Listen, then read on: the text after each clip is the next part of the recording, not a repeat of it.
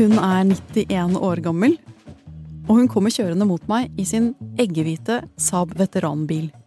Hun skal plukke meg opp på busstasjonen i Ålesund, og hun kommer altså ut av den bilen iført rød buksedress, knæsj rød leppestift, og så har hun langt hvitt hår som er satt opp i en sånn rufsete topp oppå hodet, og hun er innhyllet i en sky av Chanel. Mm, kul dame, da.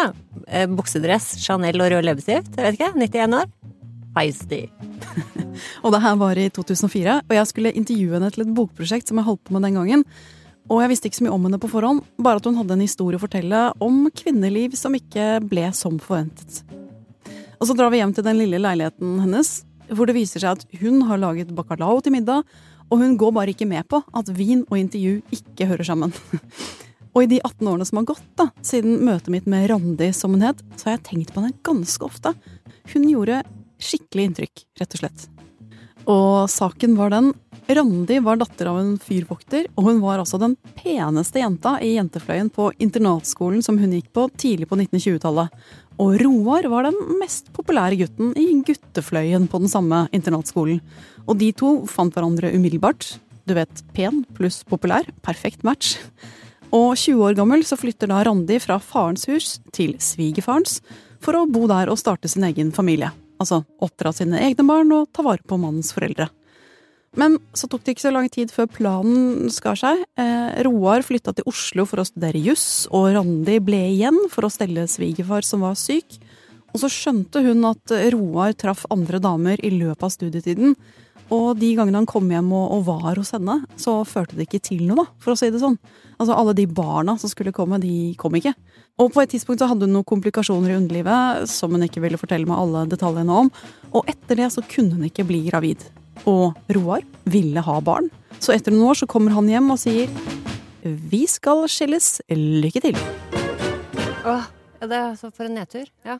ja, altså skilt kvinne på 1940-tallet, det var ikke noe drømmescenario. Og for Randi så passer det veldig dårlig. Alle vet jo at kroppen hennes ikke funker sånn som ordentlige kvinnekropper skal funke, for folk snakker jo. Så alle vet at hun ikke var fullverdig kvinne, da, som hun sa. Så noen ny mann får hun ikke og hun har ikke utdanning, så hva skal hun leve av? Men hun er jo sånn type som ikke har noen planer om å gå til grunne, så hun tar et år på handelsskole og blir utdannet sekretær, og så jobber hun i klesbutikk på si, for hun trenger penger, og hun er interessert i trender og mote. Egentlig er det klesdesigner hun skulle ha vært her i livet. Det store forbildet hennes er Per Spook. Og så får hun jobb som legesekretær, og på kort tid så blir hun helt uvurderlig for sjefen sin. Hun jobber for ham i over tre tiår, fram til hun går av med pensjon, og livet derfra lever hun med venninner, med nevøen sin og hans familie, og så bruker hun mye tid på å sy klær, inspirert av Pers bok. Men hun oppsummerer da med at livet alene, det ble og har vært meningsfullt og bra, og i løpet av de timene som vi snakker sammen, så drikker hun da nok vin til at når Randi kjører meg tilbake til busstasjonen, så er det med lett promille. Ja, jeg ser du rynker litt på nesa nå, Kristine, men den saken er foreldet. Eh, og både hun og jeg syntes det var helt greit. Jeg skjønner. Ja, så godt gikk det for eh, Randi, og kanskje godt at eh, både samfunnet og kanskje legevitenskapen har beveget seg framover siden 1940? Ja, altså i dag så ville jo Randi mest sannsynlig kunne fått mye bedre hjelp med hva det var som sto på i underlivet hennes, da. Det ville vært bedre sjanse for graviditet, og hun ville hatt bedre sjanse for å få seg en ny partner også. Og hvis hun til slutt da landet på ikke få barn, så ville det kanskje ikke bli sett på som så annerledes. Men kanskje når støvet hadde lagt seg og hun hadde blitt 40-ish, da, kanskje kunne hun blitt gravid da? Sånn som, sånn som du ble, Kristine? Juba, juba, yeah! ja, for du er en slags sånn håpets fyrtårn for Håpets fyrtårn, faktisk. Ja, for alle andre som er 40-ish og lurer på om det er mulig å få den kroppen til å produsere en baby. Ja, det er mulig, kan jeg da si. Mm. Ja, altså At det er mulig, det ser vi jo blant annet da på disse sakene som pøses ut om superkjendiser som ble gravide langt oppe i 40-åra, og som bare gløder av lykke og fruktbarhet. Mm, ja, det er sant. Eh, ja, jeg ble det jo til og med økologisk eller organisk, eller, hva det heter, uten sprøytemidler. Mm -hmm. mm. Eh, og så må vi bare legge til allerede her, da, hvis noen der ute hører på nå og frykter at vi skal være sånn babyevangelister som sier at reproduksjon er alt som gir livet mening og lykke, det skal vi ikke. Vi mener for eksempel ikke at kvinner som ikke kan eller vil reprodusere, skal sammenlignes med muggen eller råtten frukt, og dermed må kastes. er det Er det for tidlig å tøyse med? Aldri for tidlig å tøyse med. Men altså, du hører på 40 fra Aftenposten, som er en ektefødt baby skapt av oss, Marte Spurkland. Og meg, Kristine Hellesland. Dagens hovedtema reproduksjon.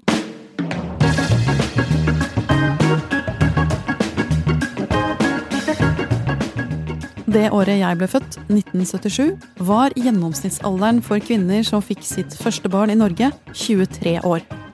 Men derfra har det gått oppover. I 2008 var gjennomsnittsalderen for førstegangsfødende blitt 28, og i fjor bikket snittalderen for førstegangsfødende 30 år. Så altså, når vi kvinner da er i vår mest fruktbare alder og kroppen er aller best rustet for barnefødsler, da har vi mye annet vi skulle ha gjort enn familieplanlegging. Ja, det skjønner jeg jo kjempegodt. Altså, jeg skjønner, jeg skjønner at man venter. Altså, 20- og 30-åra, altså, de skal romme så innmari mye, ikke sant? Eh, først så skal du bli 30, eh, og kanskje ta en utdannelse, finne en jobb og sånn, og så skal man da, i hvert fall de aller fleste, finne noen å få barn med, ikke sant? Eh, og ikke bare få barn med, men så skal du bygge et slags rede, du skal planlegge når det passer å gå i perm, du skal kanskje hviske litt med bestevenninna di, skulle vi prøvd sammen? Og da går det jo en del år. Og så kanskje begynner man å prøve med denne graviditeten, da, og da blir det som en sånn oljearbeider-skiftarbeid, føler jeg. Altså, ikke sant, to uker av, to uker på. To uker så lever du veldig sånn et liv som ikke er forenlig med forlattilskudd. Og de to neste ukene så sitter man bare sånn dirrer spenning. Eggløsningen styrer sex. Ja, mm. ja, ja, ikke sant. Mm. En slags forplantningsthriller der. Mm. Og så er det jo sånn, helt sånn biologisk, så er det jo en Altså, jeg tror vi vel alle vet at det er en fordel å få barn i 20-åra, ikke sant? Eh, på sånn Man vil ha et lettere svangerskap, det er lettere å bli gravid, kroppen tåler kanskje våkenetter bedre, det er lavere risiko for at noe skjer i svangerskapet. Så eh, det å vente, det øker jo på en måte også risikoen for komplikasjoner, da. Ja, og så er, det jo sånn at jo lenger vi venter, jo tyngre blir jo også belastningen for Mm. den kvinnen som skal bære frem dette barna. Um, Og så blir det jo som sagt da eh, vanskeligere å være gravid, og det er jo rett og slett fordi kvinnens fertilitet faller med alderen. Veldig enkelt sagt så er jo vi kvinner mellom 25 og 35, det er da vi er i vår mest fruktbare alder. Etter det så faller fruktbarheten gradvis frem mot 40 års alder, og derfra faller den raskt. Um, og det siste der, det har jo du, som du var inne på, det har jo du kjent på kroppen. Hva er det det heter når sånn, sånn stein faller veldig fort? Men ja, nei, hva skal jeg si? Ja, jeg tilhører jo eh, de kvinnene som kanskje virkelig har kjent på den urkraften det er å, å liksom, intenst ønske seg barn, da. Og så er det ikke sånn at det føles, for meg i hvert fall, så føltes det ikke som et valg, men, men en veldig sånn ja, et sterkt driv i meg som ønsket meg et barn til. Fordi jeg hadde jo til og med allerede ett, og derfor har det måte, det har forundret meg, det der. At det, det føltes så sterkt og intenst, til tross for det at jeg allerede hadde født et barn, da. Ja, det var intenst. Det kan jo jeg bekrefte som, som så deg på nært hold i den perioden der. Omgivelsene mine syntes nok også det var litt slitsomt. Ja, det var flere som gikk på nåler i den perioden der. Eh, Men rent biologisk, da. eh, Vi kvinner vi er født med rundt én million egg. Eh, Veldig, veldig mange. Og når du kommer i puberteten, så har du ca. 300 000-4000 igjen. Det er fremdeles mange. Og av de 300 000-400 000, så er det 350 450 egg som kommer til full modning. Eh, Og det er også sånn cirka antall menstruasjoner du har i løpet av livet, da, faktisk. Eh, Du som, Ja. du som liker å følge med på egen kropp, Kristine, har du, har du telt nå hvor mange ganger du har hatt mensen? Nei, nei, så så den når du sier, hva var det du sa, 350 Nei, det er jo overraskende mange libressbind som går med, tenker jeg. Nei, jeg har ikke telt. For et Mm. hav av plast vet du. Ja. Men når du er ung, da, så modnes ca. 40-60 egg hver måned. Og av de så løsner som regel bare ett, og det er tilfeldig hvilket av de 40-60 eggene det er. Men så lenge du er ung og sprek, så er jo alle eggene unge og spreke, eh, og da er de eh, som regel av god kvalitet, så da er det ganske lett å bli befruktet. Men når vi er 40, så modnes bare fem til ti egg i måneden. Eh, Og akkurat som vi er blitt eldre, så har jo eggene det også. Eh, og så kommer det en slags knekk statistisk sett når vi er sånn 37 eh, i antall egg en kvinne har igjen. Da går det ganske fort nedover med fruktbarheten derfra. Mm, ja, og akkurat det, ja, det var jeg på en eller annen måte ganske klar over. Eh, jeg fikk jo mitt første barn da jeg var 31, ikke sant, no stress, og så suste på en måte livet videre. Og så da jeg var rundt sånn 35-36, så kjente jeg at jeg Oi, nå begynner det på en måte å haste, ikke sant. 37, tikk, tikk, tikk. 38, tikk, tikk, tikk. 40. Det går ganske kjapt, ikke sant. Og så tenkte jeg at jeg må på en måte prøve å kontrollere et eller annet. Eh, og det eneste jeg kunne prøve å få kontroll på, det var i hvert fall å forstå min egen kropp, da. Eh, jeg, trengte vite, jeg, trengte å vite, er det for sent. Så ja, fra rundt omkring, jeg tror jeg var sånn 36, da begynte jeg med hva, hva skal vi kalle det, da? En slags sånn monitorering av meg selv. Lavskalamonitorering. Eh, sant? bank, bank, bank. Eh, herre doktor, eh, har jeg egg, eh, og hva er status på hormonene mine? ja, altså du fikk kartlagt det som rørte seg rundt i forplantningsavdelingen i kroppen din, da, kan du si. Og hvis, og hvis noen der nede begynte å sovne på jobb, da ville du, arbeidslederen, ha rask rapport. Ja, eh, faktisk. Sånn var det litt. Men jeg må jo også si at jeg har jo vært veldig heldig, fordi på papiret så var det på en måte ingenting som eh, skulle hindre meg for å bli gravid. Eh, samtidig så må jeg også si at da jeg begynte å nærme meg 39, da var det skikkelig, skikkelig stressende. Da følte jeg faktisk at hvert egg som datt ut, det bokstavelig talt var ett egg unna muligheten. Altså, jeg følte jeg stirret eh, på liksom mensenappen, eller hva det heter, og bare åh! Enda en syklus! Ja, for da begynner oddsen å være ganske sånn passe mot deg også. Uh, ifølge Better Health så er sjansen for å bli gravid uh, rundt 5% på den alderen. Mm, det er lavt. Mm. Uh, ja, i hvert fall jeg følte en veldig sånn høyttikkende biologisk klokke inni meg, må jeg si. men så da jeg endelig var 40, da, da satt det. Og så da jeg var 41, så ble jeg altså mor for andre gang. Ja, det var veldig hyggelig, og vi pustet jo litt sånn lettet ut, vi rundt deg også. Jeg vet ikke om alle gjorde det, men Det er hyggelig å høre at du gjorde det, Marte. Jeg gjorde det. Ja, sant. Eh, jeg tenker det er helt naturlig å tenke når man er sånn 40 og prøver å få barn, at det, det er ikke en selvfølge eh, at kroppen skal eh, bli gravid. Men for meg så var det jo heller ikke akkurat en selvfølge for samlivet mitt, så på en måte det var sånn to, to usikkerhetsfaktorer som spilte inn der. Hver gang du sier ordet samliv om deg selv, så begynner jeg å le, men ja. ja. Det er jeg enig i. Men ja. Men det som er da eh, veldig kort eh, om mitt liv, eh, så er det jo en del forviklinger i, det innimellom. Um, og jeg tror på en måte det er en sånn underdrivelse å si at det var mye styr for å lande både mann og barn i, i slutten av 30-åra. Uh, eh, og så uh, bare kom på uh, Husker da jeg skulle på en måte fortelle sønnen min da, at han skulle bli storebror, og vi skulle liksom fortelle dette her til min til pappaen min, da, ikke sant? Og sånn at det, nå kommer det en liten jente, og da å, så hyggelig, og så, så sier pappa er det lov å spørre hvem faren er? ja ja, barn først, eh, hvem som er faren, samme det. ja, så, vi, er en, vi er en barneglad familie, så sivilstand mindre viktig. Mm. Men eh, ja, det var eh, stor glede i leiren. Mm. Men uh, da du gikk gravid uh, gang nummer to, var det sett på som en risikograviditet da, fordi du var 40? Nei, det var det ikke. Men det er jo også sånn at eh, når du blir gravid og er over 35 år, så har du i dag krav på en sånn ultralydsundersøkelse i første del av svangerskapet, ikke sant? Og hvis du er 35 år, så får du også tilbud om den såkalte NIPT-testen, ikke sant, hvor du finner ut om fosteret kan ha en kopi av bestemte kromosoner. Eh, det er i dag, men da jeg var gravid i 2017, så var det et litt annet eh, opplegg, men det var ekstra oppfølging. Men det jeg egentlig husker aller best fra den graviditeten og møtene mine med helsevesenet, det var at de sa at eh, det er ingen grunn til at ikke jeg skulle ha et enkelt og greit svangerskap, akkurat som alle andre yngre kvinner. Ja. 40-kroppen eh, bedre enn sitt rykte. Eh, men så var jo du også veldig frisk og rask, da. Altså, du hadde jo virkelig sørget for å holde den potensielle babyfabrikken din i form. Jeg, jeg husker noe løping.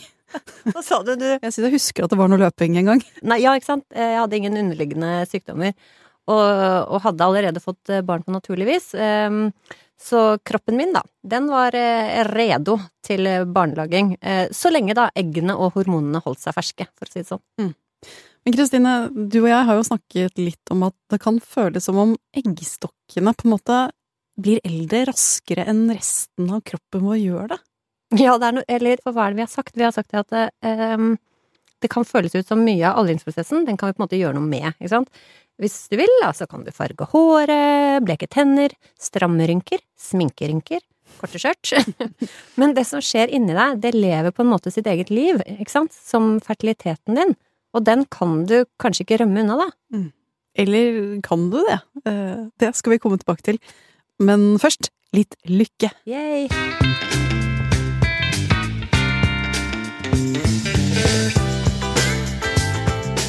Hvis det er lykke du er ute etter, så er det ikke sikkert at det å få barn er det aller smarteste du kan gjøre. På verdensbasis er det eksempel en stor likestillingssak at kvinner ikke bare skal være fødefabrikker og babymaskiner, fordi man ser at kvinners helse og sosiale status blir ikke bedre av å bare være hjemme og føde mange barn. Eh, det for eksempel statistikk som viser en rak motsetning mellom antall barn kvinner får, og utdanningsnivået deres. Og i noen land hvor det er vanlig at kvinner får sånn seks, sju, åtte barn, da er jo selvfølgelig utdanningsnivået lavt, inntektsnivået er lavt, og friheten er lav. Niger er et sånt eksempel på den type land. Mens i land hvor det er vanlig at kvinner får rundt to barn, da, så er jo kvinners utdanningsnivå høyt, kvinnehelse er bedre, kvinners inntekt er bedre, og opplevelsen av frihet er mye høyere. Og i den saken jeg leste, så er Sverige det typiske eksempelet da, på dette her, men det gjelder jo for oss også. Mm. Så det, liksom, det, det, store bildet så er det sånn, og i vår, ja hva da, tobarnsvirkelighet, da, så er, det, så er det ingen garanti for at barn gjør deg lykkelig. Og det syns jeg, jeg synes det er litt sånn artig at livet gir en sånn hva heter det, skrupasning, ikke sant. Du går på en måte rundt og tror at barn skal generere en eller annen slags eh, lykkelig slutt, eller kanskje til og med levere på lykke. Eh, men sånn er det jo ikke nødvendigvis. Nei, altså i fjor så ble det publisert en studie ved Oslo Met som jeg syntes var interessant, fordi at når man ønsker seg barn, men av en eller annen grunn ikke får dem, da blir jo det et tap som preger hele livet helt fram til alderdommen, mm. eller? Altså, det var det han professor Thomas Hansen uh, ville undersøke, da, og, og, som han fant noe svar på. Og han jobber da ved velferdsforskningsinstituttet NOVA på Storbyuniversitetet, og han har tidligere forsket på barnløshet generelt, og barnløshet blant yngre voksne. Men i den metastudien som kom i 2021, der gikk han gjennom eksisterende internasjonal forskning om barnløse eldre, for mm. å få det store bildet, da. Og han forteller at det er jo mange grunner til at ni av ti voksne verden over planlegger å få barn. De ønsker å oppnå mening i livet, selvrealisering, bygge identitet, møte kulturelle forventninger og få større følelsesmessig berikelse og lykke. Mm. Pluss tror du ikke også det ligger en slags sånn nedarvet hang i oss til å tro at barn er greia, eller? Uh, altså, altså, tilhører ikke vi kanskje en sånn uh, mellomgenerasjon, vi i liksom 40-årsalder? Våre foreldre har jo på en måte vært en slags moderne foreldregenerasjon, da, ikke sant. De fikk barn med partnere de selv valgte, de oppdro barna sine, om ikke akkurat med, så iallfall på tuppen, kanskje, av en selvskje. Uh, og mange av oss har jo vokst opp med tanken, eller bildet av, da, at det å bli foreldre på en måte er prikken over i-en som skal liksom gjøre denne sirkelen som dette livet er, komplett. Eh, sånn Den dagen jeg tar med ungen min på Gausatoppen, da! Blant. Da! Men så blir det jo ikke alltid sånn som vi ser for oss, eller drømmer om at det skal bli, eller ja, som livet for øvrig. Nei, det gjør jo ikke alltid det, da. Um, og nå finnes det mye forskning som dokumenterer at det å være foreldre, det å ha foreldrerollen, ikke øker lykkefølelsen. Tvert imot, en del foreldre har det vanskelig fordi de har barn. Mm. Og grunnen til det er jo at barn fører til økte bekymringer, søvnmangel, tap av personlig frihet, økonomiske kostnader og negative effekter på karriere og parforholdet. Mm, ja, så ikke sant. Eh, man kan bli ganske sliten av den totalen. Men det er jo også sånn da at ufrivillig barnløse, tror jeg, det kan jo oppleves som en veldig stor belastning for dem det gjelder. Eh, husker du den derre De Lillo-sangen eh, nå lever den av seg selv. Husker du den? Der er det jo en sånn Og dette er så store plager at det fins hjerter som blør. Eh, den Innimellom så tenker jeg faktisk på den. Mm. Ja ja, det er jo mange blødende hjerter og mange knuste drømmer mm. der ute. Eh, men professor Hansen da, han, han, slår jo da også fast at ufrivillig barnløshet rangeres som en av livets største påkjenninger, en typisk livskrise. Men så sier han også at forskningen tyder på at det er få ufrivillig barnløse som opplever en vedvarende følelse av tap. Altså de fleste tilpasser seg og finner mening og engasjement og samhold andre steder. Og statistikk fra Australia og Storbritannia og USA som ikke har verdens beste velferdsordninger for småbarnsforeldre, viser at barnløse er lykkeligere og mer tilfredse med livene sine, og opplever mindre psykologisk stress enn foreldre med hjemmeboende barn. Mm, så bra. Mennesker er jo, ikke sant, mennesker, er, mennesker fikser det meste, og det er jo bra, tenker jeg, at vi kan omstille oss, snu om på drømmer, finne mening i, i andre ting enn det å oppdra egne unger, da. Ja, ja, og så må vi også bare snike inn at det er jo ikke alle som, som drømmer om barn heller, da. Det er jo ikke alle som har lyst, eller eh, eh rett og slett ønsker å bli foreldre. De syns det er andre måter å leve på som gir mer mening. Eh, de vil utrette andre ting her i verden enn å oppdra egne barn. Eh, og kanskje interessant, altså det han professor Hansens metastudie viser, er jo at de barnløses lykke varer også når de er blitt besteforeldre. Altså, de sitter ikke der og skulle ønske at de hadde egne barnebarn å strikke ullvotter til, liksom. De fortsetter å finne andre måter å skape mening på og engasjere seg i andre ting. Så oppsummert da sier denne professor Hansen det som er aller mest avgjørende for hvor lykkelig du blir i livet, av de tingene du har noen sjanse til å påvirke og jobbe med selv, er personlighet og innstilling til livet.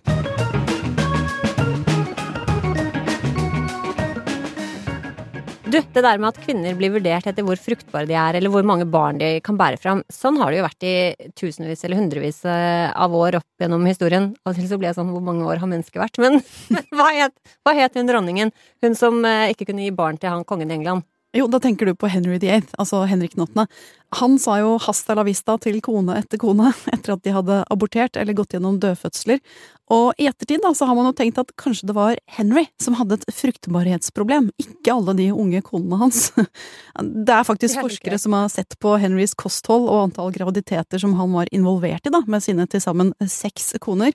Og så anslår de da at 70% av de svangerskapene som kom fra hans kongelige kjønnsorgan, eh, gikk galt.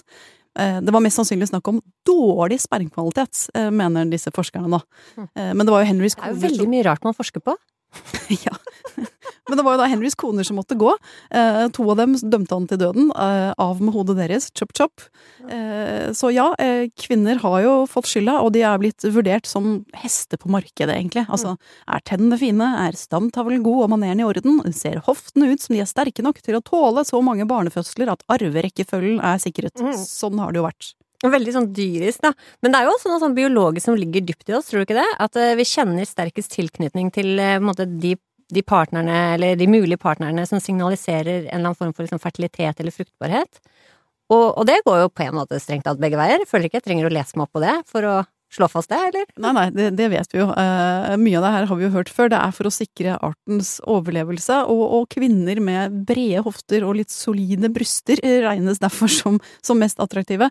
Men så er det også kartlagt en del mer sånn subtile og litt mer finurlige greier. Uh, for eksempel det her.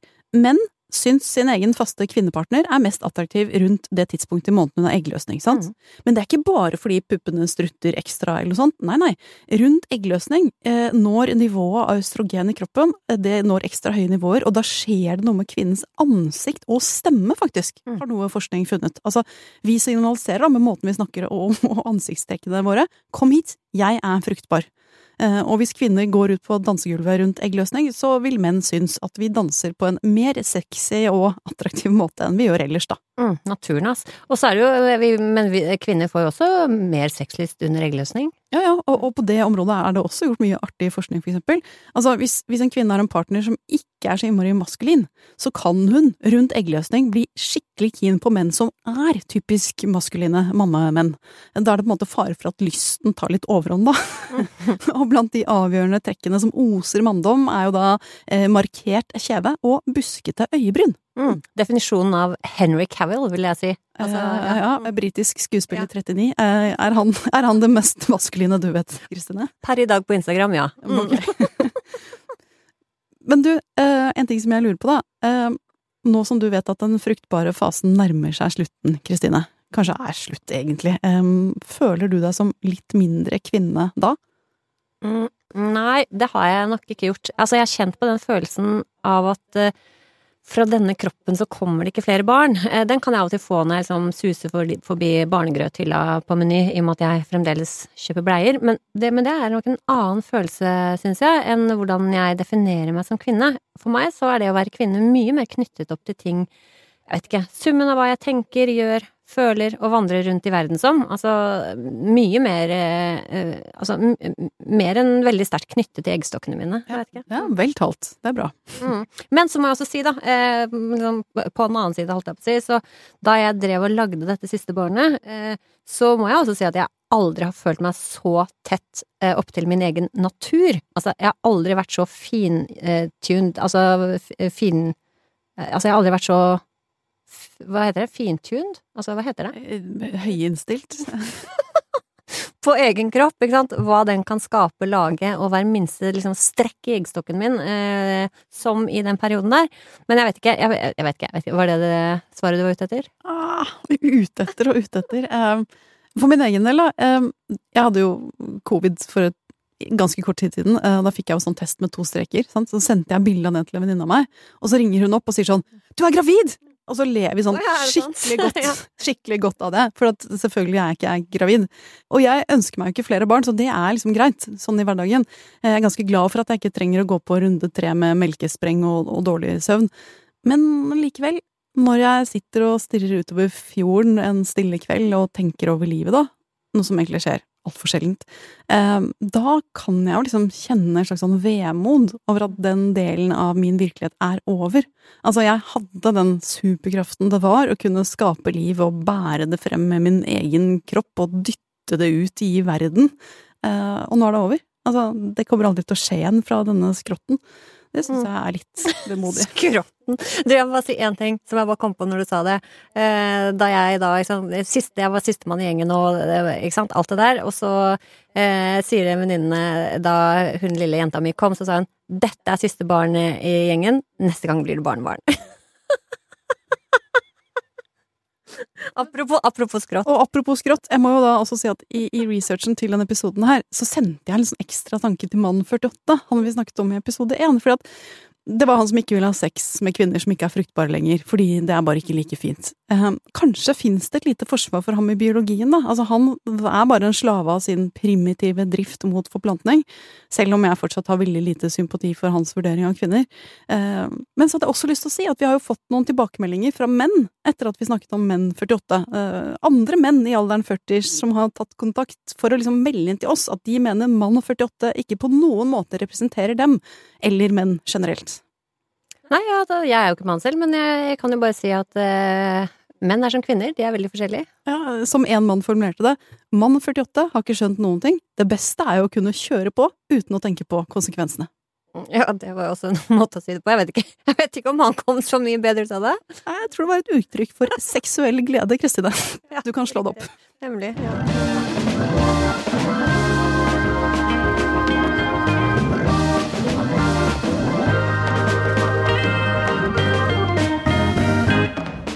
Apropos mor og bestemor. Nå som vi på en måte var på vei over en litt sånn snuskete avdeling, da. Eh, som du vet. For meg er jo britiske dokumentarer om helse og familieliv en slags guilty pleasure. Altså, jeg har sett mange dokumentarserier om tenåringsmødre, om seksuelt overførbare sykdommer, ja, i det hele tatt. Mm. Sånn artig guilty pleasure å ha, men ja. ja. Mm. Jeg, jeg, altså jeg liker å sikte både høyt og lavt, da kan du si. Men noe av det mer koselige og rare jeg har sett, er en serie med hovedpersonen Sue Radford. Har du hørt om henne? Aldri hørt, aldri sett. Nei.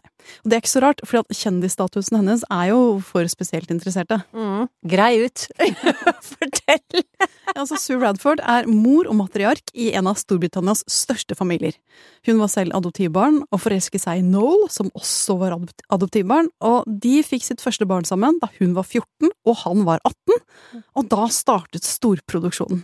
Eh, og i 2012 da, så kom det eh, premiere på TV-serien om Radford-familien som het 15 Kids and Counting.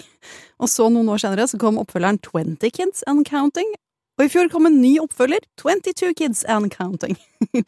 og så, da, eh, i 2014, da, da Sue var 39, og den eldste datteren deres, Sophie, var 20, da fikk Sophie en litt sånn rar følelse i kroppen, og så tok hun en graviditetstest, og den var positiv, hun var gravid med sitt første barn. Like etterpå tok mamma Su en graviditetstest. Den var også positiv! Hun var gravid med barn nummer 17! Så altså, da har du mor og datter gravide på samme tid. Su var vordende mor og vordende bestemor. Eh, og det er jo bare så interessant, syns jeg, å tenke på at det konseptet faktisk er mulig i den herlige alderen 40-ish. Ja, det her blir jo helt sånn crazy TV5-reality for meg. Jo, jo, men hør, da. Eh, altså, denne mor og datter gravide sammen-saken, den var en gladsak. Eh, generelt så er det god stemning i familien Ranford, og Sue og Sophie syns det var topp å gå gravide sammen. Men så fortsetter jeg å, å, grave i dette her, og der ute på det store, vide internettet så finnes det jo mange historier om mødre og døtre gravide samtidig, hvor det ikke er så god stemning. Um, og det kan jo da se ut som det er eh, døtrene som sliter mest, for de har liksom forventet at deres egen mor skal være fullt og helt klar for rollen som bestemor. De ønsker seg hjelp og støtte i sin egen graviditet fra en trygg og rolig voksen person som har masse kapasitet til å være der for dem. Og når den personen selv er gravid, da kan det bli krøll i relasjonen. Ja, ja, ja det, det, kan jeg på en måte forstå. Mm. Eh, og når jeg først forsvant ned i dette kaninhullet på nettet, da, så fant jeg også historier om mødre og døtre som blir gravide med samme menn. Altså, datters kjæreste har vært alene med svigermor litt for mange ganger, og, og så skjer det som ikke skal skje. Eh, jeg fant et eksempel hvor en datter 16 hadde hatt kjæreste en stund, eh, men det var et åpent forhold, og så dro hun på, på ferie, og så inviterer mor til fest, og inviterer da kommende svigersønn på den festen, og så blir det graviditet. Noen uker senere så er både mor og datter gravide med samme mann. Jeg vet jo ikke hvor godt faktasjekket disse sakene er, det skal sies. Men, men, du kan bare ta en fisketur på nettet, så skal du se. Eh, TikTok har sitt eget sted for det også. Mom and daughter pregnant together. Mm. Mulig jeg har andre ting å gjøre på nettet, men uh, ja. Mm. Ok, ok. Jeg skal ro oss tilbake mot land nå, for det som er interessant, det er jo dette her med at det faktisk går an å bli både bestemor og mor Eh, for kvinner i 40-åra. Eh, innenfor samme tiår også. Altså, snakk om reality. Altså, det, er jo, det, er jo, i seg selv litt vilt. Ja, det er litt kult, ikke sant. Og det sier jo litt om hvor mye livet eh, kan romme. Altså det tiåret vi er i, kan romme, ikke sant. Når, spreke besteforeldre, eller som meg, utslitte småbarnsforeldre. Altså, jeg vet ikke. Velg selv! På en gang, faktisk. Ja, ikke sant. Mulig samtidig. Mm. Du vet hva jeg har sett? Jeg har sett den Made in Oslo-serien med Pia Tjelta. Ja, altså det som hun driver med i skuespillerjobben sin, ikke i samfunnsdebatten. ja, jeg digger Pia Skjelte, ja, men ja, riktig. Um, men har, har, du sett den? Uh, nei, jeg har hatt lyst til å se den, ikke fått sett den ennå. Nei, men du, jeg skal fortelle. Den er uh, dødsbra. Uh, og kort fortalt, da, så spiller Pia Skjelta Hun spiller en fertilitetslege som desperat ønsker seg barn. Og i denne serien altså, heter hun Elin, og Elin og samboeren har prøvd å få barn i årevis og så får hun god hjelp av kollegaer rundt seg. Og så er historien den vi får, det er at eh, ved siste mislykka IVF-forsøk, altså prøverørsforsøk, så ble hun mer eller mindre gæren. Og stedatteren hennes, som da liksom er noen sånn 11-12 år, ble redd for henne.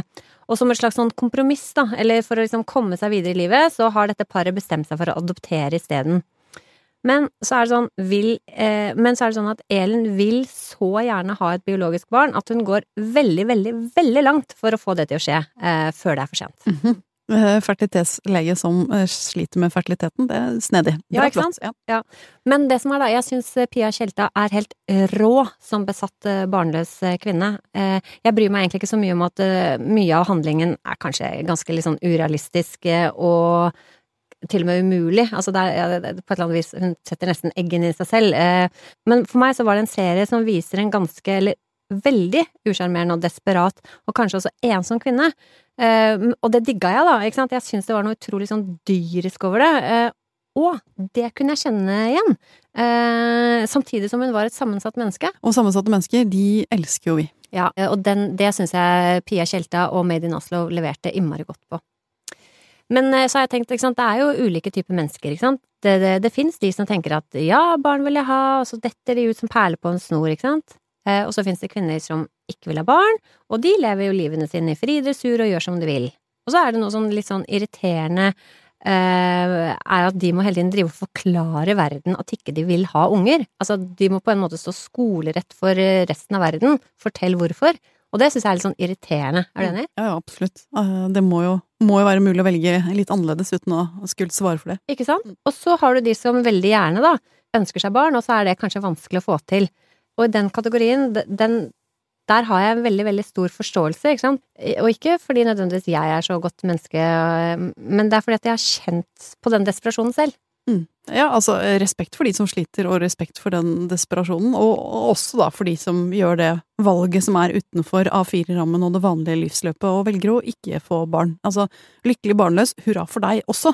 Mm. Og så har jeg tenkt på, det går jo an å være mor for noe annet enn egne biologiske barn også. Altså, det er mye annet som kan trenge en morsskikkelse, om det er dyr eller eh, hjertesaker eller vitenskapelige prosjekter eller kunst eller andre ting du skal skape. Eh, I ytterste potens, se på Angela Merkel, da. Altså, hun har jo ikke egne barn, men hun kalles likevel Motti i Tyskland. Visstnok fordi at hun ledet nasjonen i så mange år med stø hånd og med stor omsorg. Eh, var som en mor for sitt folk og for en av Europas sine store makter. Eh, det er ikke så dumt det heller, å være morsskikkelse for noe så svært.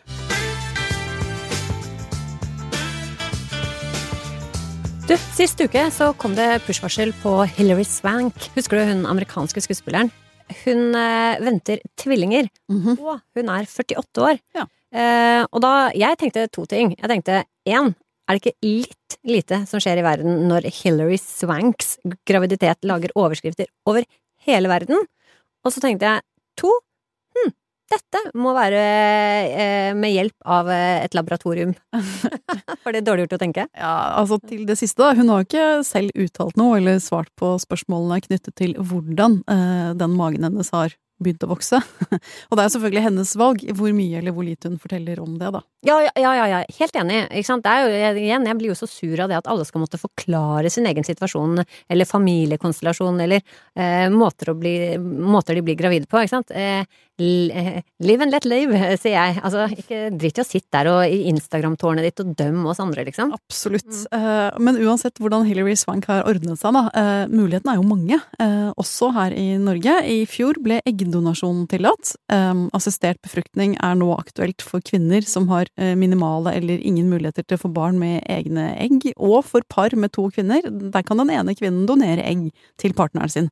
Og de eggene som du får fra norske donorer, de skal da være i alderen 25 til 35, altså friske og raske små gullegg, da. Ja, ikke sant. Og så fra å være den kanskje ene tingen som moder jord, altså virkelig moder jord, da, styrte, så er på en måte reproduksjon eh, blitt eh, både lettere tilgjengelig, og det har også blitt en slags business. Ja, og det er det jo veldig delte meninger om, men, eh, men hva med deg, Kristine, er det bra? Ja, det mener jeg absolutt. Altså, jeg, jeg, tenker at det er veldig skummelt å sitte der med de tre barna man har fått selv med tre års mellomrom, med mannen du giftet deg med da du var 27, og, og som være kritisk til valgene andre kvinner tar. Altså, igjen da, Pia Tjelta i, i Made in Oslo, eh, eller meg i 2017, jeg vet ikke. ja, ja. Det er nok flere som tenker sånn.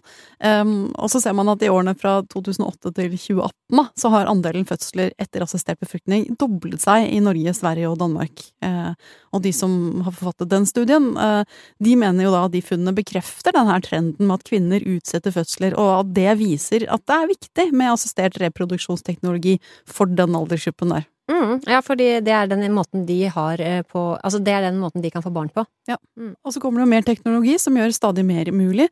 Nå er det jo sånn at når to lesbiske lager barn sammen, så kan de bruke IVF, altså prøverør og donorsæd, og så kan de lage barn med den ene kvinnens egg som settes inn i den andre kvinnens livmor. Mm. Og da er det jo ikke sånn at barnet får DNA fra begge mødrene, men det blir likevel et slags sånn genetisk avtrykk, da, også mm. fra den moren som bærer frem barnet. Det er epigenetikk, det her, altså kompliserte greier. Eh, men grunnen til at man ønsker å gjøre det, er da å skape ja, skape sin egen familie da, og, og knytte bånd, selvfølgelig. Mm, det er kjempefint. Altså, også her snakker vi framtidens barn. Ja, eh, og kanskje er fremtiden enda mer fascinerende. Altså, forskere har jo nå klart å lage egg og sædceller fra hudceller eh, ved bruk av stamcelleteknologi. Eh, og med sånne kunstige kjønnsceller, da, som det kalles, så kan også enslige, infertile og likekjønnede par få barn som deler deres DNA. Så ikke sant, det her er jo en fremtid hvor man ikke trenger verken egne egg eller sædceller for å lage barn med biologisk tilknytning. Og så skaper jo det masse etiske dilemmaer, selvsagt. Eh, det er mange som mener at det er litt i overkant å leke Gud, og å lage barn på den måten. Så det gjennomføres ikke i dag, men, men hvem vet hva som kan skje der fremme. Mm.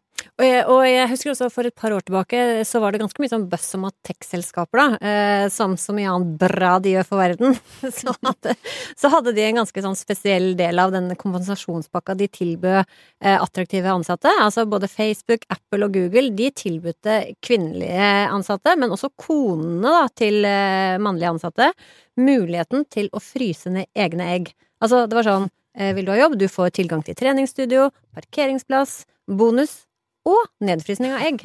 Sånn at du kan, eller sånn at du kunne fokusere på ja, karriere, da, kanskje, ikke sant, eh, fram til det passet eh, å få barn. Ja, det er fascinerende. Uh, og det som taler for det, er jo kanskje at ok, da får dette paret bedre muligheter til å sørge for at toget med de gode eggene ikke bare kjører fra stasjonen, da. Men det som taler mot, er jo at hvis man venter for lenge, så blir det jo til slutt litt sånn unødvendig slitsomt å få de der babyene. Og så tenker jeg, Kristine, altså, fins det egentlig noe sånt som en, et, et gratis egg?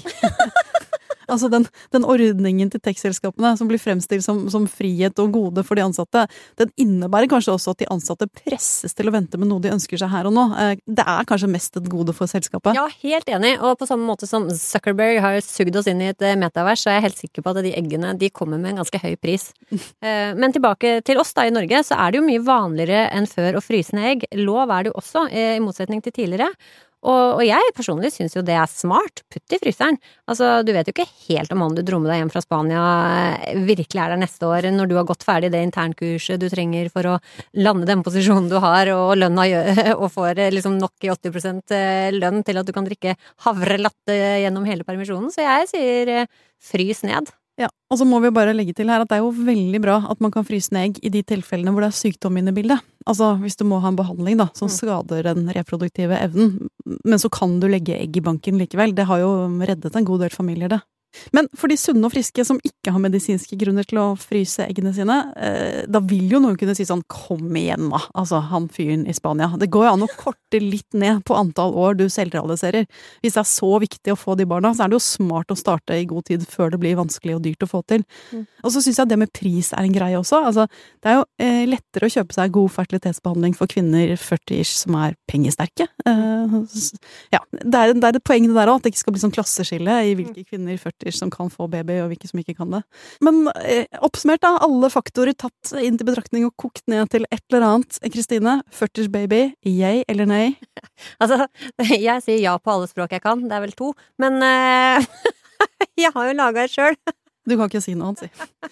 Nei, men for å oppsummere, da. Vi heier jo på alle familier, uansett hvordan de kommer til. Regnbue, eggdonasjon, IVF, alt det der. Alt som blir skapt med kjærlighet som drivstoff og grunnstoff, det heier vi på. Og særlig, må jeg si, om de kjærlighetsbarna som kommer til verden, blir oppdratt til å videreføre den kjærligheten i sine egne relasjoner og til verden rundt seg. For det trenger vi! I en virkelighet som akkurat nå er ganske skummel, og hvor det er mange krefter som ikke akkurat dyrker raushet og kjærlighet og åpenhet og mangfold. Ja takk til kjærlighetsbarna! Eh, De som kommer fra unge foreldre og snittalderforeldre og langt over snittalderforeldre, velkommen til verden! Måtte dere oppdras i eh, kjærlighet og få en lykkelig barndom og ungdom.